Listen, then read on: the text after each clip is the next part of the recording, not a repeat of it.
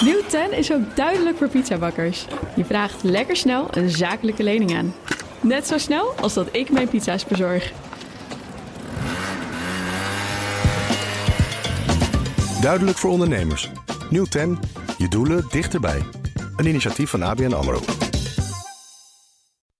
De BNR Nationale Autoshow wordt mede mogelijk gemaakt door Lexus. Nu ook 100% elektrisch. BNR Nieuwsradio.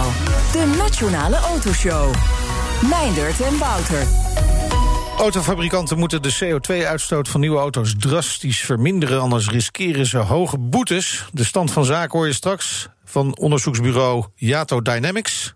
Ja. En we gaan lekker hoesten. Oh nee, dat doen we straks pas. Eh, vanaf maandag uh, geldt overdag een lagere maximumsnelheid van 100 ben je er al, uh, ben je er al mee bezig? Ik heb, nou, ik zag iemand op Twitter. Ja, je kan toch nergens 130 rijden. Dus ik heb even voor de vorm, zeg maar, op drie verschillende snelwegen vandaag 230 op de klok gezet. En dacht ik, dacht, nou, volgens mij gaat het prima. Lekker rustig. we spreken zo met Flitsmeister. deze, deze snelheidsovertreding is altijd mede mogelijk gemaakt door Flitsmeister natuurlijk. Die zijn weer druk bezig geweest met het vernieuwen van de app. Ja. Um, waar gaan we het ook nog meer over hebben? Ik heb er gisteren in ieder geval nog even van genomen op de A4. Ja, precies. Even lekker doorvlammen. Vlammen. Ja, ja, over doorvlammen gesproken, dat is maar ja. de vraag. We gaan beginnen met de Formule 1. Hè, want de ja. Grand Prix van Bahrein en Vietnam... die gaan definitief niet door vanwege het coronavirus. Australië is natuurlijk al afgelast. Ja, vanochtend. Uh, echt heel last minute. Uh, China gaat al, ging al niet door. Nee. Hè, dus, dus dan hebben we de eerste vier races Bahrein van het seizoen. zou eigenlijk zonder publiek gereden worden, ja. maar gaat nu definitief, definitief niet door. door. Dus we hebben de eerste vier races uh, van het seizoen zijn dan gecanceld. Ja, dus Zandvoort wordt de eerste race van het seizoen, ja, zou je zeggen? Dat is de grote vraag. En nu kom je denk ik een beetje in het juridische spectrum terecht. De FIA zegt van, goh, uh, Bahrein en Vietnam cancelen we. Uh, en we verwachten dat uh, het seizoen gaat starten eind mei in Europa. Ja, en de Dutch Grand Prix is op? Begin mei, 3 ja, mei. 3 mei. Uh, Barcelona is het 10 mei. Uh, en dan hebben we een, even een weekje rust. Uh, twee weekjes eigenlijk. En dan 24 mei Monaco. Natuurlijk zeg maar ook een van de grote Grand Prix. Hè, zeg maar de, dus diegene die altijd op de kalender heeft staan. Waar veel aandacht, veel geld. Nou, noem maar maar op omheen gaat.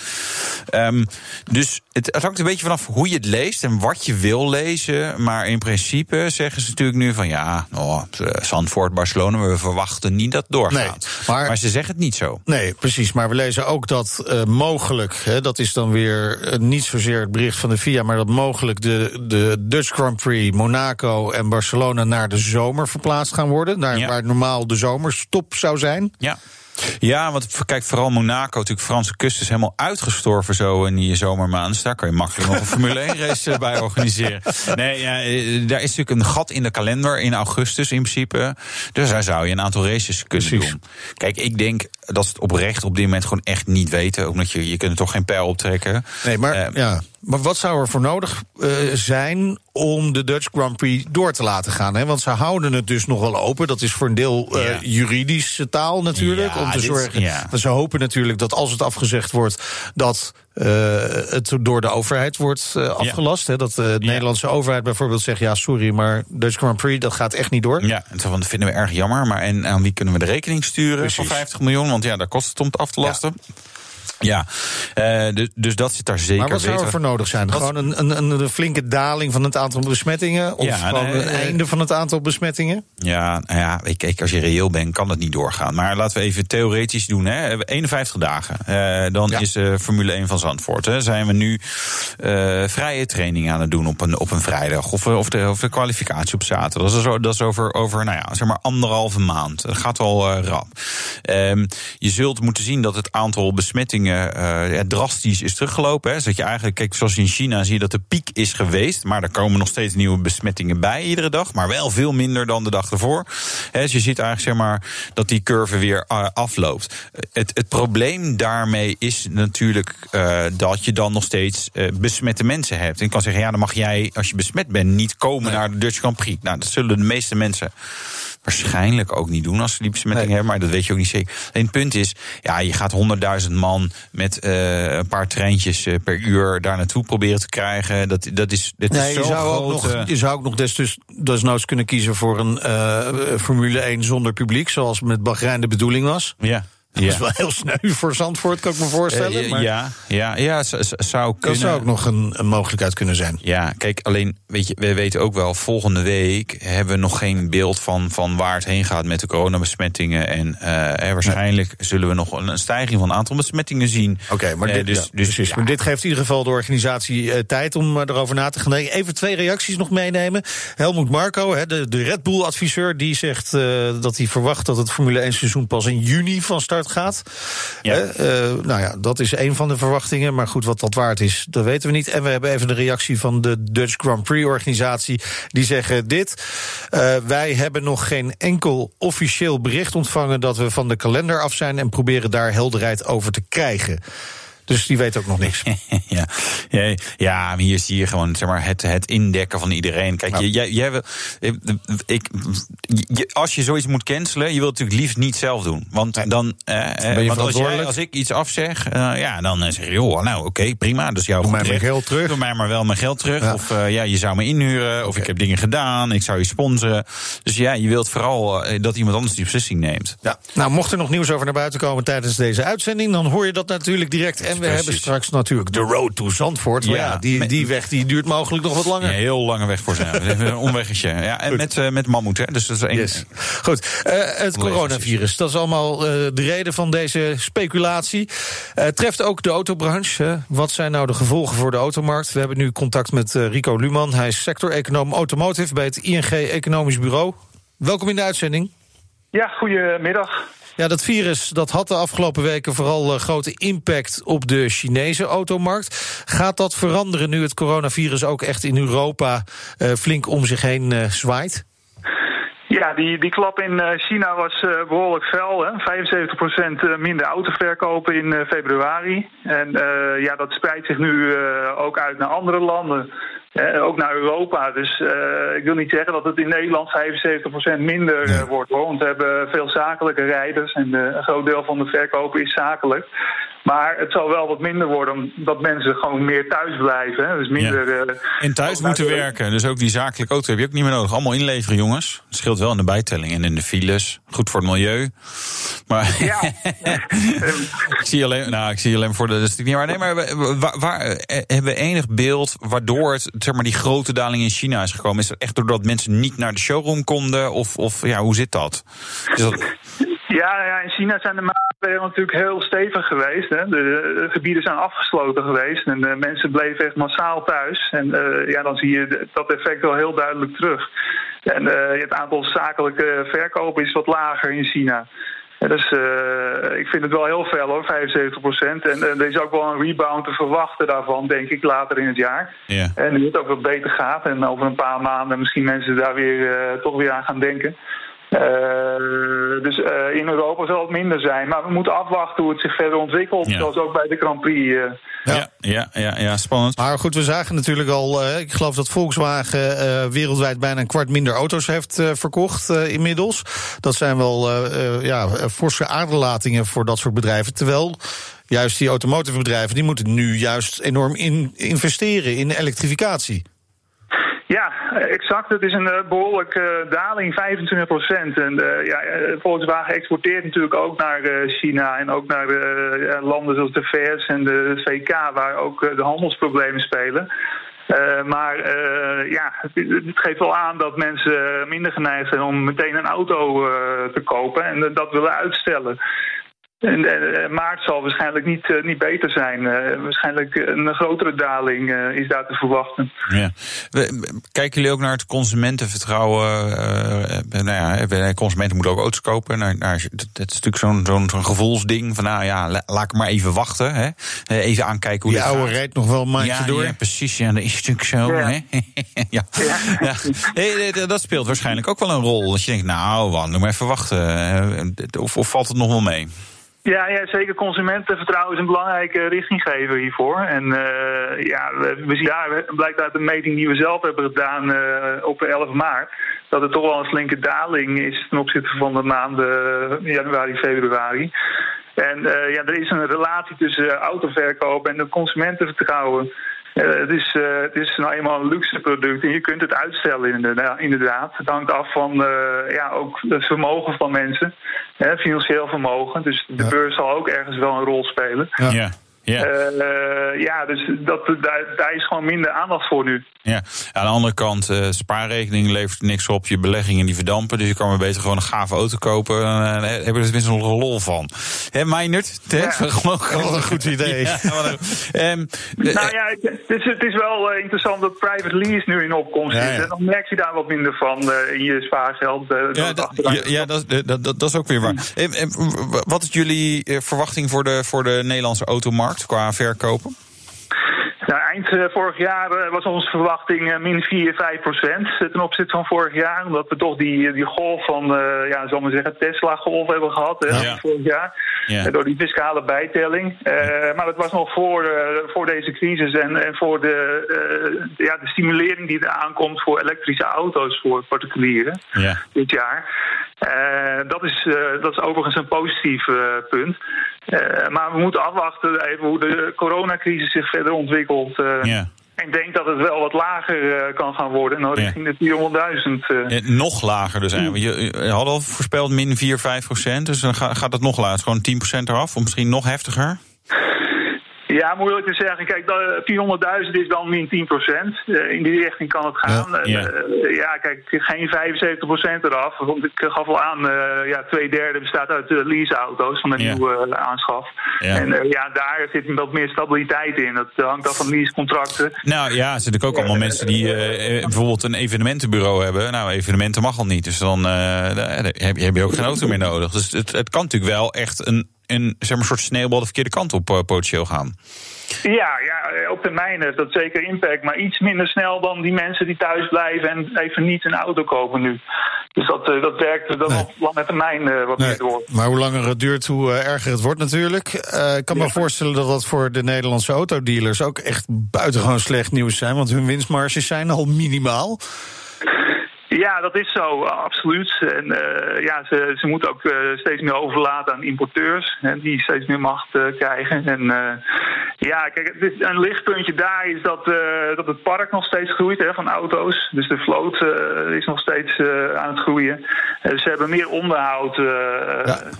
Ten opzichte van andere jaren.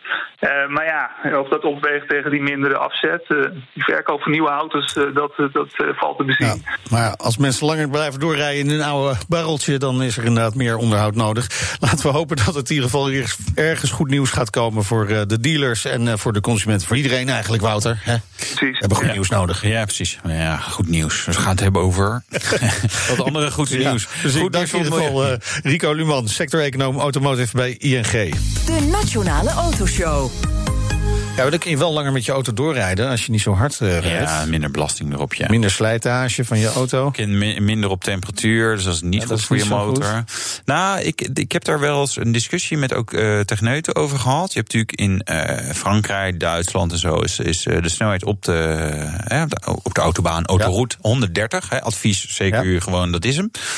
Um, dus kunnen we zeggen, ja, wij doen lekker 100 of 110 of 120. Maar het wordt ook geëngineerd naar... van ja, bij welke, weet je, wat is de snelheid die mensen een beetje rijden. Dus als je er heel erg van gaat afwijken, ja, ik hoef niet per se te zeggen dat je auto nou zo enorm veel zuiniger is bij, dan bij 110 dan bij 130. Nou, nou, het is weer duidelijk niet aan jou gevraagd door de Kamer wat er nee. slim is om te doen met de maximumsnelheid. Want we gaan er echt aan geloven. De maximumsnelheid gaat overdag omlaag naar 100 km per uur. Ja. En daarover gaan wij praten met Jorn de Vries, commercieel directeur van Flitsmeister.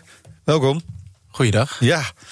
Dus veel mensen zullen weer eh, flitsmeister aan gaan zetten. Dat is ook wel nodig eh, straks. Zijn jullie helemaal klaar ervoor? Ja, eigenlijk sinds uh, gisteravond al. Dus wij hebben alle aanpassingen die het komende weekend zeg maar, worden doorgevoerd. Want Rijkswaterstaat is daar uh, afgelopen nacht mee okay. begonnen. Die zijn al, al live. Dus ik moet hem eigenlijk nog even uitzetten. Want dan krijg ik ergens dat ik ja. 100 mag rijden terwijl ik nog 130 mag. Ja, maar wij moesten de keuze maken of we gaan het vooraf doen of achteraf. En dan hebben wij de ja. keuze gemaakt om die waren het, niet zoals de, de, de, de, Formule 1 organisatie lekker tot het einde uitstellen. Die beslissing gewoon eerder eh, nemen. Maar het is eh, wel eh, een beetje verschil. Hè? Vroeger waren je lekker obstinaat en eh, mensen helpen wat meer eh, snelheid uit hun eh, dagelijkse rit te halen. En nu is het. Nou, ja, Ze worden je- netjes. je ze worden netjes. Het is hoe je het bekijkt, eh, Wouter. Want kijk, wat het wel Ja, is... zo zijn al, Zo kijk ik er dus tegenaan. Ja, Ja. maar er zijn al wegen die nu gewoon al 100 zijn. Ja. Eh, Ja. ja. dan kunnen wij ervoor kiezen om daar nog 120, 130 te tonen. Of nu Ja. al 100. Want Ja. als ze dan staan te flitsen, dan weet je in ieder geval. Ja, maar, dat je weet, maar die, weet toch dat die flitser staat. Dus het maakt niet uit hoe hard ik rijd. Maar bij, bij die flitser even. Die, Ja, alleen nu is het nog wel. Dus het is heel wisselend eigenlijk van nou, mag je nu 100 of 120 of 130? Omdat nog niet alle wegen verwerkt uiteindelijk zijn. eh, Want maandag gebruiken jullie natuurlijk eh, gewoon de data van de gebruikers. En als die doorgeven dat er een flitser eh, staat, dan eh, kan eh, de gebruiker zelf bepalen. Ja, alleen hoe hard moet hij dan rijden op dat moment bij die flitser? Ja. Dat is nu een beetje Nee, onduidelijk. En vanaf maandag is dat, eh, is dat weer iets makkelijker. ja, jongen. Ja, Het het is, ook, eh, het is weinig lol om hier aan te beleven, hè, de Nederlandse wegen. Kunnen we Nee, allemaal eh. 90 gaan rijden? Hoeft die flitsmeister ook niet meer aan te zetten? Waar, waar, waar halen alle gegevens eigenlijk vandaan? Want jullie- ik neem aan dat jullie niet langs al die wegen zelf zijn gereden om te kijken waar de Nou, we zijn borden hartstikke druk geweest de afgelopen weken. Nee, eh, ja, we hebben zoveel stikstof uitgestoten om al die borden in kaart te brengen.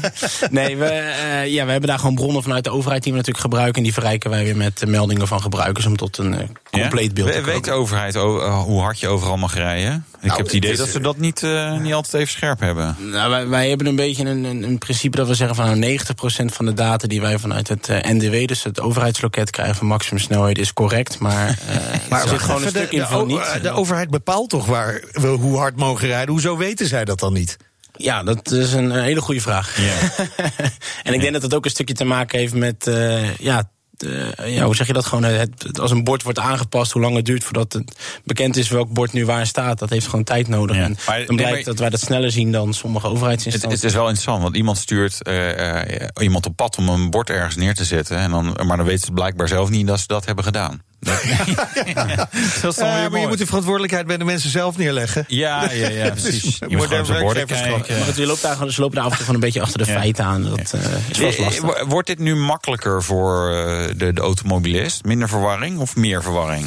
Eh, nou ja, kijk, het is natuurlijk altijd eh, best wel lastig geweest in Nederland... met verschillende snelheden, verschillende wegen. Ja, we hadden overdag, natuurlijk s'avonds, 100, eh, 120, 130. En dan neem ik even de, de, de onderliggende wegen net niet mee. Ja, heb je nog Nou, de matrixborden, hè, die de nog eh, maximum heb je hebt ook daar 80 wachten. kilometer snelweg, dus je hebt al vier 70 snelheden. of 90 bij wegwerkzaamheden. Ja, ook de dat matrixborden, dat zijn dus ook Ja. wettelijke snelheden. Die worden niet, voor mij niet structureel gehandhaafd, dus dat is nog wel iets anders. Maar het, is, het, het wordt makkelijker in, in de zin van, eh, hè, er zijn minder variaties. Echter, eh, het is allemaal 100, maar s'nachts is het dan wel weer verschillend. En eh, ja, weet je, we zijn toch gewoontedieren met z'n allen. Als jij al acht jaar lang op de, ik noem maar even wat, de A20, 120 rijdt. En je moet nu ineens vanaf maandagochtend 100 gaan rijden. Ja, moet je als jij gewoon rijden. even weer op jouw dagelijkse route zit, Ja. kan dat wel lastig zijn, denk ik. Ja. Nou ja, zeker nu natuurlijk. Nu we allemaal thuis moeten werken, dan ga je toch de weg Het is op. vrij rustig Hij op de is weg. leeg. ja, Het is ja. leeg. Eindelijk. Ja. Ja, dat is waar. Ik, kon lekker doorrijden. Nee, ik heb uit, uit principe even zeg maar. eh, Wat? 130 plus eh, de, de snelheid die ik ook op het bord zag staan eh, gereden. Verdubbeld. Ja, nee, nee, 100, het stond 130 en 100. Dus ik Oh, heb zeg maar, hebt even tellen. opgeteld. Ja, we hebben elkaar opgeteld. Ja, dat, zal, dat zal wel mogen. Ehm, in hoeverre is dit effectief, deze maatregel? Dat, dat ze dit gaan doen? Ja, kijk, de, de, de maatregel is ingevoerd om uiteindelijk de, de stikstofdepositie in Nederland omlaag te brengen. Zo, hier heb jij opgestudeerd. Ja, ja, ja, ja. Kijk, wij hebben eh, ons huiswerk ook gedaan. En en ja, om die maatregels te toetsen hebben we ook gekeken van nou eh, een aantal wegen waar je nu bijvoorbeeld 120, 130 mag rijden. Hoe hard wordt daar nu gemiddeld gereden op de verschillende momenten op de dag? Hè? Dus ochtendspits, overdag, avondspits en s'nachts. En dan Ja. zien wij dat zowel 120 als 130 wegen eh, ja, die, die, die snelheid zelden tot nooit eigenlijk gehaald wordt gemiddeld gezien. Ja, gemiddeld. Dus dat Ja. is. Ja, oké. Maar goed, eh, het kan ook niet zo zijn dat één iemand 80 rijdt daar met het verkeer en iemand eh, zoals Nee, jij precies. rijdt daar dan heel veel harder voorbij. Ja. Eh, dus dat gaat natuurlijk gewoon praktisch gezien niet. Dus Dus uiteindelijk is de gemiddeld vraag- 155 hebben Ja, nee, precies. 165, sorry. Ja. Dus ja, natuurlijk. de, de winst die hiermee behaald wordt, of, of, de- Ja, maar die kan- minimaal Het kan ook zijn dat de gemiddelde nu nog, ver, nog verder omlaag gaat. Ja, dat dus gaan wij dus, eh, want dat vroegen we ons dus ook af, zal dat Ja, ja. dan zo zijn? Dus dat Ja. gaan we zeker onderzoeken. Ehm, maar ja, mijn gedachte is van niet. En zeker als ze nu ervan uitgaan van nou, het is nu 120 of 130 en dan straks wordt het 100. Ja, dat is dus niet zo. Want het nulpunt is al geen 120 of 130. Nee, we rijden dus eigenlijk daar waar je nu 130 zou mogen rijden, rijden we eigenlijk bijna nooit 130. Ja, we hebben een stuk eh, bekeken op de A4 bij Schiphol. Misschien het stuk waar eh, Wout daar is langs wel is gegaan. rollen. eh, andere, andere route. Oké, Ja. nou dat Ja. was bijvoorbeeld in de ochtendspits op een willekeurig dinsdagochtend in maart was dat gemiddeld tussen 6 en 10 uur 's ochtends 110 km per uur gemiddeld. Dus ja, Ja. Ja, ja. Ja, de- maar je hebt natuurlijk wel mensen. de- de- Maar het is ook weer niet zo dat er niemand 130 rijden. Je hebt natuurlijk, dit klopt. is gemiddeld van. van hè, er zijn natuurlijk ook mensen die in de file staan. En, en die trekken het eh, gemiddeld. Ik heb gisteren wel Nee, even maar daar natuurlijk 130 gereden. is dat dus ook zo dat je dus Toen het nog eh, kon. Ja, Ja. Ja, ik Ja, moest wel. mijn moeder even naar huis brengen. Toen het nog kon, hè? Toen Want die is, kon. dat kan nu niet meer. Want ze woont in Brabant. Nee, ze is, ze is boven. thuis aan het werk. Nee. Ze is te oud. te oud. Ja, Sorry, mam. Ja, je mag Geen bezoek meer. Geen bezoek Ja, meer. gaat ja. niet meer. Ja, ja, ja, dat is jammer. Oh, Ja. ja. Ja. Je hebt een hele lieve moeder. Ja, zeker. Zeker. Ehm, en wa- gaat dit stikstofdepositie gaat natuurlijk enorm worden geholpen. hè? En eh, dit, eh, de, verkeersveiligheid, verwacht, verwacht je daar iets van? Nou ja, dat, dat is op zich als mensen wat langzamer gaan rijden, dan wordt er gezegd van ja, dat is veiliger voor het verkeer. Eh, Ja. Tegelijkertijd denk ik dat we bijvoorbeeld ook allemaal de trajectcontrole op de A2 eh, wel kennen, waar iedereen dan dus eh, zich braaf eh, 100 gaat rijden, omdat dat dan ook moet. En of dat dan altijd de veiligheid ten goede komt, is ook maar de vraag. Want dan zie je toch dat mensen vaak ja, minder gefocust aan het rijden zijn en weer andere Ja. dingen gaan doen. Dus ja, weet je, ook dat is iets wat we de komende maanden of weken allemaal zien. zullen gaan krijgen. Doorstroming?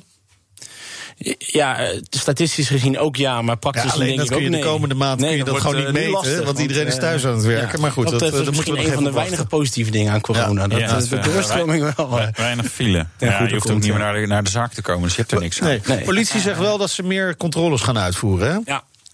Eh, eh, wat, geloof jij dat? Ik heb er namelijk een Ik beetje wil ze absoluut over. niet uitdagen, maar ik vind het wel bijzonder dat eh, eigenlijk eh, stevast al twee, drie jaar achter elkaar wordt gezegd van nou, we, we, kunnen niet meer handhaven vanwege beper- beperkte eh, resources eigenlijk.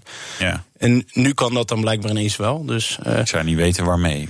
ik ook niet, maar eh, als Ze iemand hebben het de, mobiele, de mobiele flitscontrole, nee, de mobiele trajectcontrole hebben ze aangekondigd. Ja, maar daar hebben ze gezegd, we hebben daar wat testen mee gedaan... maar dat zal pas 2021 eh, uitgerold kunnen gaan worden. Ja. Maar goed, wij houden ook bij eh, hoeveel flitsers er nu worden gemeld en dergelijke. Dus, eh wellicht Het is niet meer geworden in de afgelopen Nee, dat, die indruk heb ik Nee, ook. nee, dus ik ben heel benieuwd hoe zich dat de komende dagen ontwikkelt. Maar mis- Ja. misschien moeten de politieagenten ook thuiswerken, ik weet niet. ja, ja. En dan doen we een enquête of je het hard hebt gereden. En dan zeggen we dan foei. Zoiets. Hè? Heb je het hard gereden, Meijnerd? Oh, foei, dat mag je niet meer doen. Is wat. Ehm, maar, maar voor jullie zou het goed zijn als er meer wordt gecontroleerd. Want er zijn meer mensen, oh, ik moet die, die fantastische app hebben, Flitsmeister. Ja, ik, dat zien wij nu al wel terug. Hè. Dus de- die woorden van de politie, die, eh, ja, ik zal zeker niet ontkennen dat wij daar best blij mee zijn. Want die helpen gewoon onze gebruikersaantallen eh, te doen boosten. Eh, Zie je dat wel gebeuren met die aankondiging naar 100 km per uur? Dat meer mensen. januari dat Ja. die discussie eh, echt aangewakt is en dat we toeleven naar dat moment van eh, dit weekend, zeg maar. Dan zien we dat dat echt eh, ieder persmoment wat er is en waar wij ook in worden genoemd, Ja. dat dat helpt. Ehm, en daarnaast is het ook gewoon weer een uitdaging voor automobilisten met die maximumsnelheid. En dat is misschien ook een reden om onze app te gebruiken. Er wordt natuurlijk ook wel eens negatief over jullie gesproken, hè? Ja. Ik kan me nauwelijks voorstellen waarom. Maar eh, Vereniging Verkeersslachtoffers en Veilig Verkeer Nederland... die willen eigenlijk dat jullie verboden worden. Hè, omdat het eh, toch ehm, ja, mensen helpt om harder te kunnen rijden... daar waar er niet gecontroleerd wordt. Wat, wat vind je daarvan?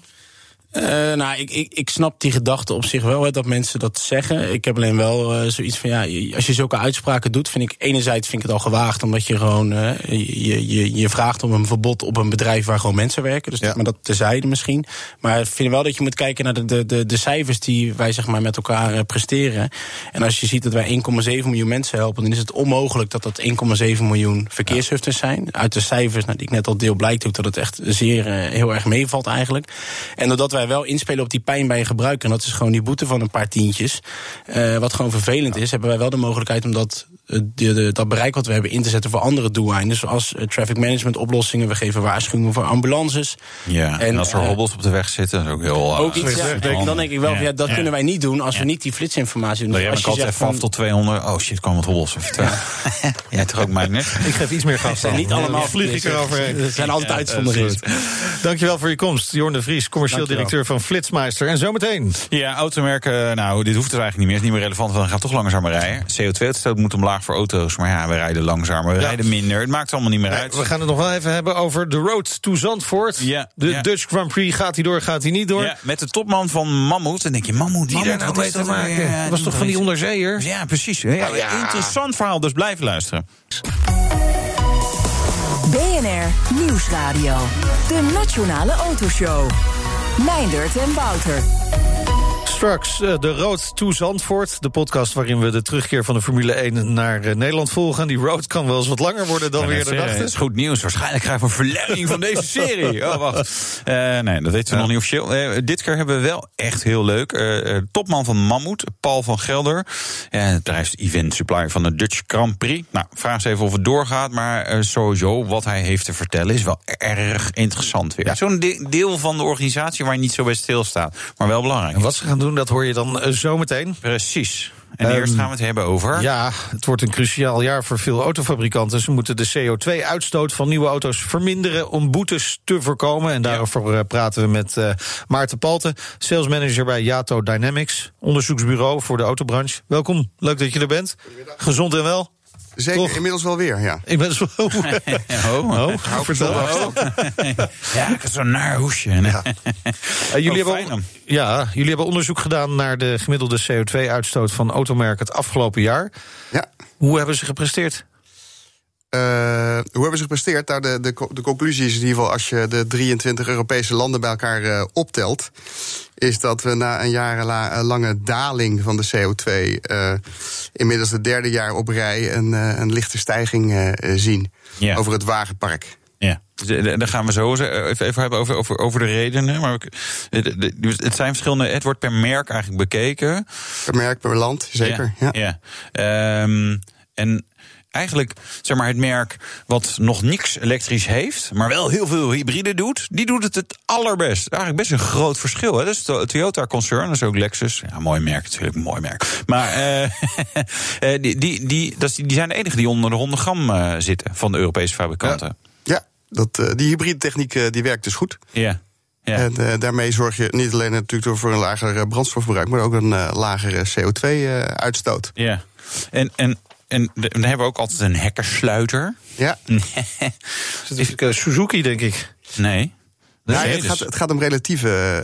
Uh, zeker als je het nu hebt over de, zeg maar, de, de, de, die boetes en de EU, dan praat je over oh, een ja. systeem waarbij je een relatieve doelstelling op CO2 hebt, die gebaseerd is ook wel op, op het gewicht van je ja. auto's. Okay. En want de ta een Tata, dus de, de eigenaar van Jaguar Land Rover, die kan je niet dezelfde doelstelling geven als Suzuki, die iets lichtere auto's uh, ja, bouwt. Ja, ja. Ja, aan de andere kant zou je dat natuurlijk wel kunnen doen. Want ja, maakt mij nou uit dat jij in een zwaardere auto zit? De CO2, daar gaan we allallemaal dood van, want dan uh, wordt de aarde te warm. Dus ik, nee, ja, het is, het is aardig, aardig nee, om zeg maar, ja. wat overgang. Uh, hè, ja. Een V-zin die wordt wel vaker genoemd, om dat, uh, om dat te faciliteren. Ja, okay. Anders krijg je natuurlijk een hele rigoureuze, uh, monotone auto. Nou ja, ja, nou, ja nee, dat is wat we willen. Lekker, maar goed, zeg maar, de, de, de, echte hekkensluiter die jij bedoelde was... Mercedes, ja, Mercedes. 140 gram. 9. En Toyota 97,5. Dus er is wel, er zit wel een verschilletje tussen. Ja. Um, het stijgt nu, de CO2 eigenlijk. Europees gezien, zeker, ja. ja. Waardoor komt dat? Want je zou verwachten dat het juist de goede kant op gaat, zeg maar. Ja, er zijn eigenlijk zeg maar, de drie hoofdredenen die, wij, uh, die we zien. Uh, ten eerste is uh, de SUV in de opkomst. Hè? Dus auto's ja. gaan wat hoger, wat breder, wat zwaarder. verbruiken daardoor gewoon per definitie meer brandstof en stoten dus meer CO2 uh, uit. Ja. Dat is één. Waar wij bijvoorbeeld in Nederland in 2016 iets van 30% dieselregistraties hadden, zagen we in 2019 dat het verdampt was naar 7%. Ja. En zoals jullie weten, diesels hebben relatief een lage CO2-uitstoot. Dus dat zijn twee belangrijke drivers. En de derde, daar was het onderwerp waar we de vorige keer over spraken, is die WLTP. Die uh, zorgt ervoor dat de, de, de, de, de meting anders is. Waardoor je tegen hogere waardes uh, aan bent gaan lopen de afgelopen twee jaar. Ja. Ja, en, maar, maar dat, dat is natuurlijk wel heel raar. Dat we hebben een. Uh, er komen boetes aan, potentieel. Gaan we ja. straks ook nog over hebben. Ja. Maar tegelijkertijd zie je van ja, nou trekken we ons nog even niks van aan. We gaan gewoon lekker laten die CO2-uitstoot oplopen als fabrikant. Ja, ja. Wat we nu heel veel zien bij ons in de database is dat er echt enorm veel varianten van hybrides, plug-in hybrides en dat soort dingen allemaal ja. massaal uh, in de prijslijst uh, komen. Ja. Maar je, je, zou ook kunnen zeggen, advocaat van de duivel, die automerken die hebben allemaal afgelopen jaar hun CO2-uitstoot verhoogd. Om vervolgens dit jaar makkelijk naar beneden te kunnen gaan, waardoor de kans op boetes uh, wordt verkleind. Ja, nou ja, dat, dat het misschien een beetje een papieren voor, werkelijkheid is. Ja, dat zou voor landen als Nederland niet handig zijn geweest. Want daar is de CO2 gekoppeld ja, aan de ja, BPM Nederland, en die, paar honderdduizend, die paar honderdduizend auto's. Ja, Daar zullen ze ook niet failliet van gaan. Hè? Ik bedoel, het is geen. Ik, ik, kan me niet voorstellen dat er een automarkt echt wakker ligt. of een autofabrikant echt wakker ligt, serieus wakker ligt van de Nederlandse markt. Aantallen zijn uh, relatief klein, ja. dat klopt. Ja. Ja. Het, het, het is officieel, uh, zeg maar, de grens is 95 gram per uh, kilometer, maar het verschilt per fabrikant. Hè? En per dat, merk, is per ja, merk en dat hangt dus van je gewicht uh, af. Ja, en, en ook weer aan verkoopaantallen, geloof ik? Of dit is echt verkoop aan, verkopen maal, zeg maar. het gaat wat uiteindelijk zeg maar, om wat, wat ze dan noemen parken, en wat, en wat wij dan ook vertalen naar volume gewogen. En daar zit inderdaad je, je, je aantal in. Dus het gaat erom wat, wat, je, wat je in een jaar verkocht hebt, feitelijk. Ja. Hoeveel heeft dat bijgedragen in de CO2 en hoeveel Ja. zit dat af van de, van de doelstelling? Ja, maar zijn er ook merken die onder die 95 gram moeten scoren dan? Jazeker, jazeker, Ja? jazeker. Oké. Je noemde zelfs al uh, uh, Suzuki. En Ja. logisch, want die heeft natuurlijk relatief lichte auto's. Ja, Die, uh, die zit daar uh, qua doelstelling uh, behoorlijk, uh, behoorlijk onder. ja. En ik zag uh, Renault 91 gram, maar dan, en je verwacht het niet, maar dikke Duitse uh, bakken die, uh, die mogen wel meer uitstoot dan BMW en Mercedes. Ja, Oh, verrassend. Ja. Wat is de, de consequentie uiteindelijk als ze er niet aan voldoen? Uh, als, ze hebben allerlei vormen waarin je uh, credits kunt uh, verdienen. Uh, bijvoorbeeld in 2020 kan je elke elektrische auto mag je dubbel tellen. He, dus uh, een elektrische auto met nul of, of een plug-in met minder dan 50 uh, gram uitstoot. Die mag je dubbel tellen ten opzichte van een reguliere brandstofmotor. Je kunt ja. allerlei eco-innovations, die kun je, kun je uh, inzetten om, om boetevermindering te krijgen. Je kunt er allerlei hybrides inzetten en elektrisch verkopen. Maar stel dat je het nog steeds niet haalt, moet je gewoon boete betalen. Ja. En uiteindelijk betaalt Maar- de finale ja. consument, die betaalt die boete. Ja. En dat moeten ook auto's zijn die ze daadwerkelijk verkopen. Tellen Ja, die mee? Ja, registraties Oké, zeker. registraties tellen Ja. mee. Maar dan is het dus ook wel, hè, nogmaals, eh, eh, verklaarbaar dat heel veel merken pas dit jaar met eh, full electric auto's komen. Ja, eh, de, de, de overheid eh, die legt allemaal hoepeltjes neer. En die au- auto-industrie Die dan- daar die springt er doorheen. Ja, Ja. weet je, Ja. zo werken die dingen. Je, je noemde eco-innovation. Denk ja, maar en wat, wat zijn dat dan? Want Nou, kijk- als de auto's daadwerkelijk zuiniger worden, dan hoef je hem ze niet nog een keer uh, zeggen: hier, een beloning. Maar stel dat je wat, wat, wat, wat laat bent, uh, dan kan je zeggen: hier betaal maar wat boetes. En dan is dat bedrijf allemaal boetes aan betalen. En het RD-budget is weg. Dus uh, kunnen ze geen schonere auto's ontwikkelen. Dit is een beetje bedoeld om te zeggen: weet je wat, als jij toch al bezig was om, om dingen te ontwikkelen, maar je hebt ze in, in, in, in testfase en je bent er nog mee bezig, maar je hebt ze nog niet kunnen registreren, belonen we je ook. Oké, het is wel mooi. Nou, best aardig. Ja, je hebt je huiswerk gedaan. En, uh, je, bedoel, je hebt eigenlijk een 1 voor je Franse proefwerk. Maar ik, ik zie wel moeite. dat je, voor, je was Ja. wel al bezig. Dus we hogen dat Ter op hard naar. Ja, het is wel... Ze hebben dat goed geregeld, die autofabrikanten in Europa, toch? Ja, ik zie jou. Jij denkt, ja, ja, ze betalen iedereen wel de denkt daar, iedereen, bij denkt, ons. Ja. iedereen denkt daar anders over. ja. En, uh, uh, ja. Het, er, zit een, er zit een ingroeitraject in, waardoor je. Kijk, het is natuurlijk ook een Europees ding. De Europese auto-industrie is natuurlijk belangrijk voor de Europese economie. Ja. Ehm, ik vind dat wij uh, onze auto, uh, Trump zou zeg maar zijn auto-industrie anders beschermen dan dat, nee, dat uh, de EC nee, doet. Nee, ja, ja. zeker. Ja, nee, dat dus, is, ik dat vind is, dat het best wel in balans is. Maar Ja, wat als we uh, op basis van wat jullie op dit moment weten hè, over die CO2-uitstoot, wat is, wat is dan de stand van zaken? Gaan die automerken hier aan voldoen? Nou ja, uh, niet elk automerk uh, zal het gaan halen. Kijk, als heel veel, heel veel mensen gewoon een heel mooie AMG uh, willen kopen.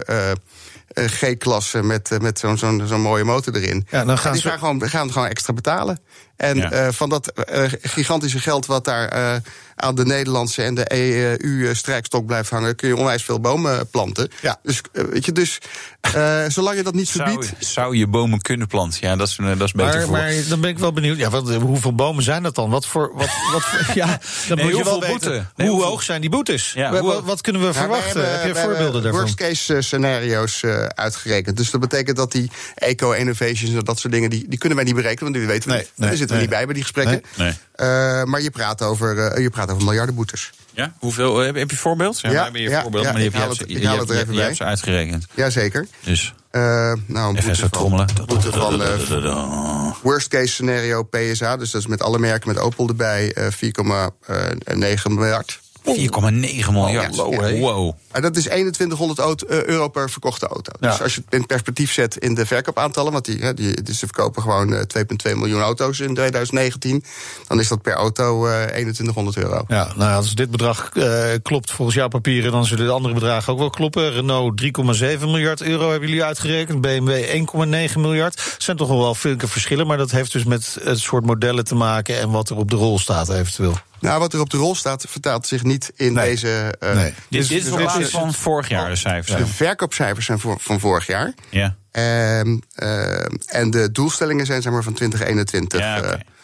Want ik zal ook even kijken naar de eh, groep. PSA heeft eh, vorig jaar, 2019, 3,2 miljard euro winst gemaakt. Dus stel dat zij nu niet zouden doen, gewoon op dezelfde voet verder, maken Dan maken ze verlies. maken ze 1,7 miljard Ja. verlies. Maar er is dus wel, ze hebben ruimte om boetes te betalen eventueel. Je kunt ook gewoon zeggen, ja, nou ja, fuck it. eh, ik doe het gewoon. Ik maak die auto's allemaal 1000 euro duurder en eh, nou ja, dat is het dan.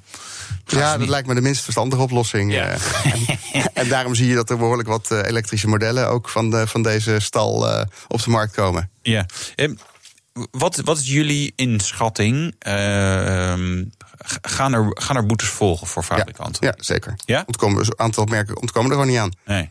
En welke, welke merken denk je dat die boete gewoon echt gaan, gaan krijgen? Nou ja, wie zitten er redelijk ver van hun eh, doelstellingen eh, af? Eh, met een Daimler eh, daar zou ik me niet over verbazen. Nee. Als ik het elektrische gamma eh, een beetje kijk wat, ze, wat, wat er allemaal aankomt. Ja, er komt en- veel aan, maar ze hebben en ze verkopen niet zoveel elektrisch. Dus, Dat dus, dus, steeds dus dat de sluit eeuw, ik ja. niet uit dat, er, Ja. dat, dat, er, eh, dat daar een boete betaald moet worden. Ja. Die doorberekend wordt aan de, Ja. aan de consument. Ja. Of, of gaan die merken uiteindelijk dan die elektrische auto's die ze nu niet verkopen, gewoon lekker eh, weggeven? Ja, als, je- als ze ze kunnen maken. Ja, eh, precies. hè, als Dat ze is ze nog wel een grote vraag natuurlijk. En ze hebben, dan eh, gaan ze natuurlijk die dingen massaal eh, eh, verkopen. Dus je, kan, je gaat natuurlijk wel zien dat er een. eh, we hebben natuurlijk al jarenlang sturing in, in, in wat je eigenlijk eh, eh, koopt. Hè? Ja. Eh, de, de, de belastingen en CO2 bepaalt al jaren waar we rijden. Eh, maar dat wordt alleen maar, wordt alleen maar, eh, wordt alleen maar sterker, dat effect. Ja. Maar je, je- je zou kunnen uitrekenen met wel, wanneer, wanneer zeg maar, de fabrikanten beter gewoon die elektrische auto's weg kunnen geven. Exact. Ja? Hebben jullie dat al gedaan? Ja? Nou ja, nog niet. Weet je bij welke dealer ik Maar je eh, zou dat jaar in moet een zeggen, land, in een land, in een laatste maand, eh, zou je maar zo de re- berekening kunnen maken dat als ze inderdaad tien van die auto's gratis weggeven. eh, hè, maar dat, dat, dat spelletje van, van, van, van bonussen, dat werkt natuurlijk al honderd jaar eh, Ja. zo. En nu zit daar ook die CO2-component eh, bij. Ja, en- en- en daarmee kan je ook de conclusie trekken dat het eind van het jaar wel eens heel interessant eh, winkelen kan zijn bij eh, dealers. En zeker als je zegt van nou ja, iets met een stekker lijkt me wel. eh is de toekomst, hè? Heb je niet nog een leuke plug-in hybrid? eh, en dan moeten we even kijken hoe, hoe de scores zijn dan bij de merken. Ja, daar wil jij geen uitspraak over doen. Nee, daar zou wel- Maar er komt heel veel dynamiek. Het, Ja. eh, eh, wat ook, eh, Nederland, wij zijn het schoonste land van de EU. Ja. Hè, eh, Noorwegen is schoner, maar is geen EU. Dus Nee. wij zijn. Oh ja, op zich. Ja, ja. Ehm, dus wij eh, doen het onwijs goed. Wat auto's betreft dan. Exact. Ja. En ehm, eh, dat gaat straks ook een dynamiek geven. Want in dezelfde regulatie staat dat je ook als fabrikant een extra bonus kunt krijgen van 1,85. Dus je kunt een elektrische auto maal 1,85 meetellen. Tot en met eh, eh, 2030 vol- mij- volgens mij.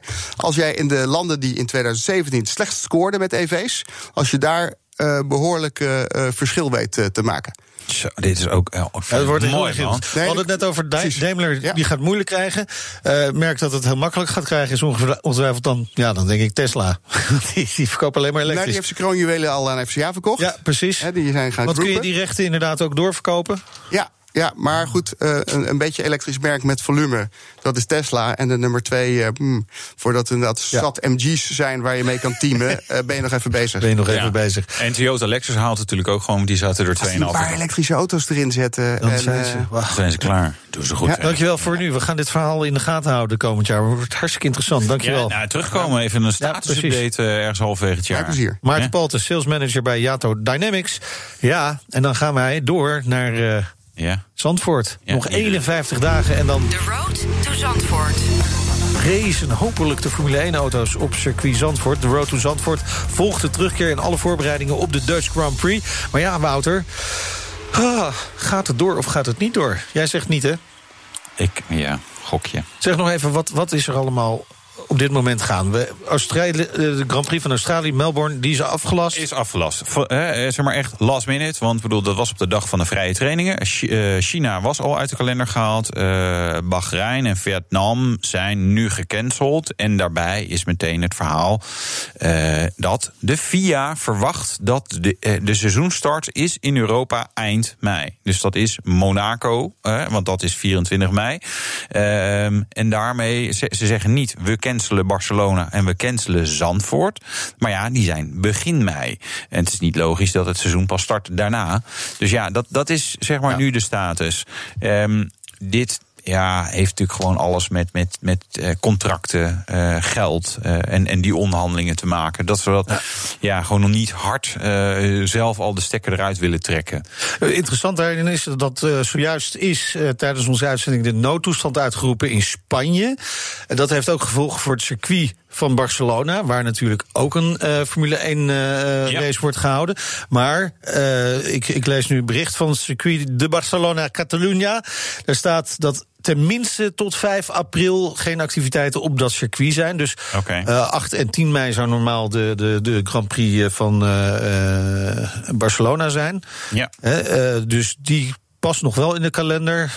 Maar ze zitten al wel te kijken naar uh, mogelijke andere available options with Formula One. Ja. Dus die zijn ook al druk bezig om te kijken of het misschien uitgesteld moet worden naar een ja. ander moment. Ja, de logica okay. zou je denken in de zomer. Dat dat misschien wel Dat zou kunnen. Ja. Goed, we weten het nog niet. We gaan dat verhaal voor je in de gaten houden. Maar als het doorgaat, Wouter, ja, dan hebben we er wel mooie partijen die uh, met ons uh, samenwerken. Ja, precies. Onze gast is Paul van Gelder, CEO van Mammoet, event supplier van de Dutch Grand Prix organisatie. Welkom. Ja, bedankt. Ja, leuk dat je er bent. Je bent ook uh, ontzettend druk bezig met je telefoon te checken ja. of je al nieuws uh, hebt gevonden, maar uh, je hebt ook nog geen bevestiging, hè? Ik kijk naar dezelfde bronnen als jullie, geen bevestiging, dus het, het is nog steeds spannend. Ja, alle ontwikkelingen worden op de voet gevolgd. Hoe, hoe, schat jij de situatie in? Wat, wat denk jij als je dit nu allemaal hoort? Ja, ik zit eigenlijk op dezelfde lijn als wat je net zegt, uh, zelf zegt. Um, er zal op een gegeven moment stabilisatie moeten zijn, in ieder geval in Nederland. En we hebben natuurlijk te maken met een, een zich nog steeds ontwikkelend virus. En het verloop in Europa is erg grillig. En uh, ja, ik, ik, ik zie ook wel de uitdaging voor de Formule 1-organisatie welke beslissingen ze moeten nemen. Ja, dat, dat is wel. Maar, is het voor jullie. Ja, ik, ik duik bijna een soort van, van meteen de, de diepte in. Maar stel dat het niet doorgaat. Als raceliefhebber zou je zeggen, ja, ontzettend jammer. Maar als bedrijf zeg je misschien van, ja, kleine opdracht.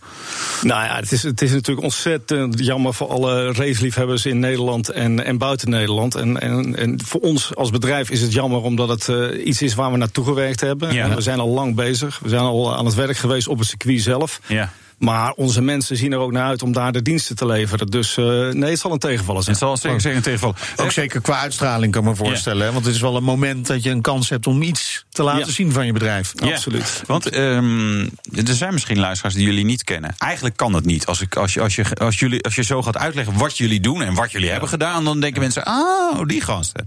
Maar toch voor, die, voor, de, voor de rest even, wat doen jullie? Nou, wij zijn wereldmarktleider in, uh, in zwaar transport en uh, in vaktermen praten we dan over horizontaal en verticaal transport. Dat betekent wij, eh, wij transporteren de grootste lasten over de weg Ja. eh, door speciale gebieden. We doen dat wereldwijd en we liften ook die lasten. Ja, en wat, wat, is een, wat is een grote last?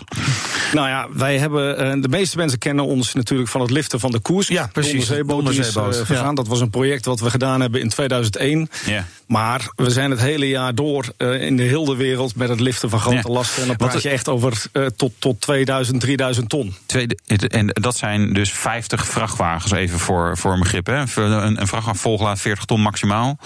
Dus En we hebben nog groter gedaan. We hebben Ja. bijvoorbeeld eh, een paar jaar terug de kap over Chernobyl geplaatst. En dat was eh, het, het- een wereldrecord eigenlijk van de grootste door Ja. mensen gemaakte. hoe, hoe Eh, zwaar was die? Ja, ik weet dat- het. Wie moet Wikipedia? Wikipedia. Wikipedia, ja. Maar, Maar dat is in ieder geval een ding dat ons dan veilig houdt hier. Ja, precies. Ja. 36.000 ton wordt er in mijn oren gepleist. 36.000 ton. ton. Dus dat Ja. zijn zeg maar ongeveer 1000 vrachtwagens. Maar en onder eh, zeg maar challenging eh, omstandigheden. Want eh Koersk lag heel diep in het water. Ja. Tsjernobyl is, ja, kan je, kan je wel buiten lopen schijnen, maar niet heel lang. Dat is Nee. ongeveer. Dat is de boodschap. Klopt, klopt. dus ja, als je er echt niet meer uitkomt, dan, dan moeten we jullie bellen. Ja, ja, onze organisatie is helemaal ingericht om wereldwijd ieder moment altijd ondersteuning te kunnen leveren voor, eh, voor onze klanten. En eh, ja, vaak zijn onze projecten nou eenmaal op locaties die niet eh, die de meest vriendelijke zijn. En ja, dat hoort wel bij ons werken. Dat is ook eigenlijk de kracht van Mammoet. Ja, ja. Dus het, het is, zijn jullie uniek daarin? Eh, er zijn ongetwijfeld meer bedrijven, maar Chernobyl en, en de koers, dat zijn wel echt, echt ja, uit de buitencategorie. Ja, voor en mij vergeet niet die Boeing, hè, die, Die eh, Boeing. in de oksel tussen de A4 en de A9 Ja. staat. Klopt. Ja, het is jammer dat ze daar ze hebben allemaal geluidsschermen geplaatst. Eigenlijk zie je hem niet goed alleen die vanaf. staart. Ja, ja, zie je staart. Maar vanuit de nood, je moet een keer in een hotelkamer gaan zitten daar. Ja, het zal nu heel goedkoop zijn, denk ik, potentieel. Dat zou zomaar kunnen, ja. En anders kunnen zo, eh, deze twee sterren toch wel een keer worden uitgenodigd daar.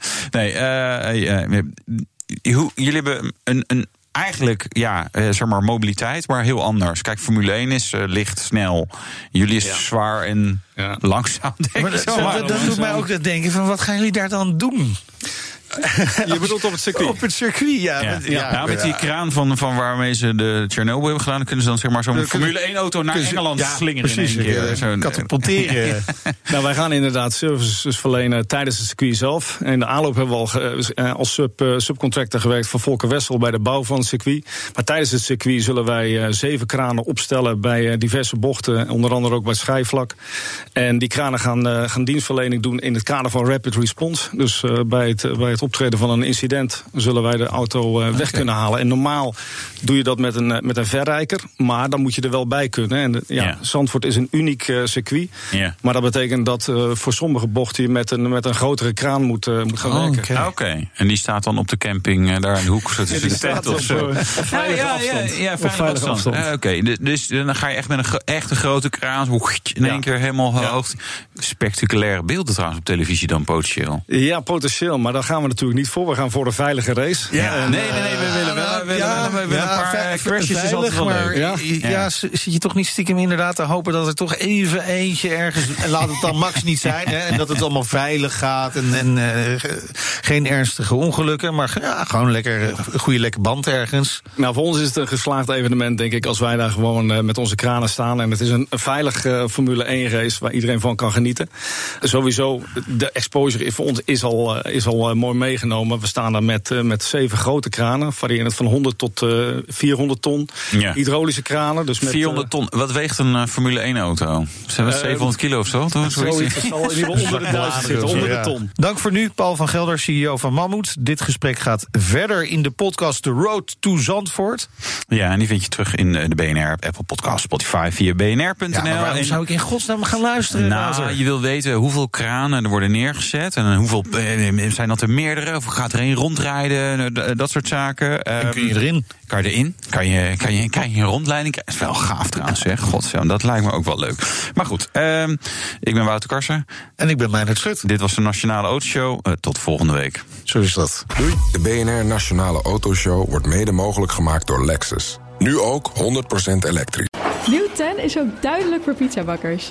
Je vraagt lekker snel een zakelijke lening aan. Net zo snel als dat ik mijn pizza's bezorg.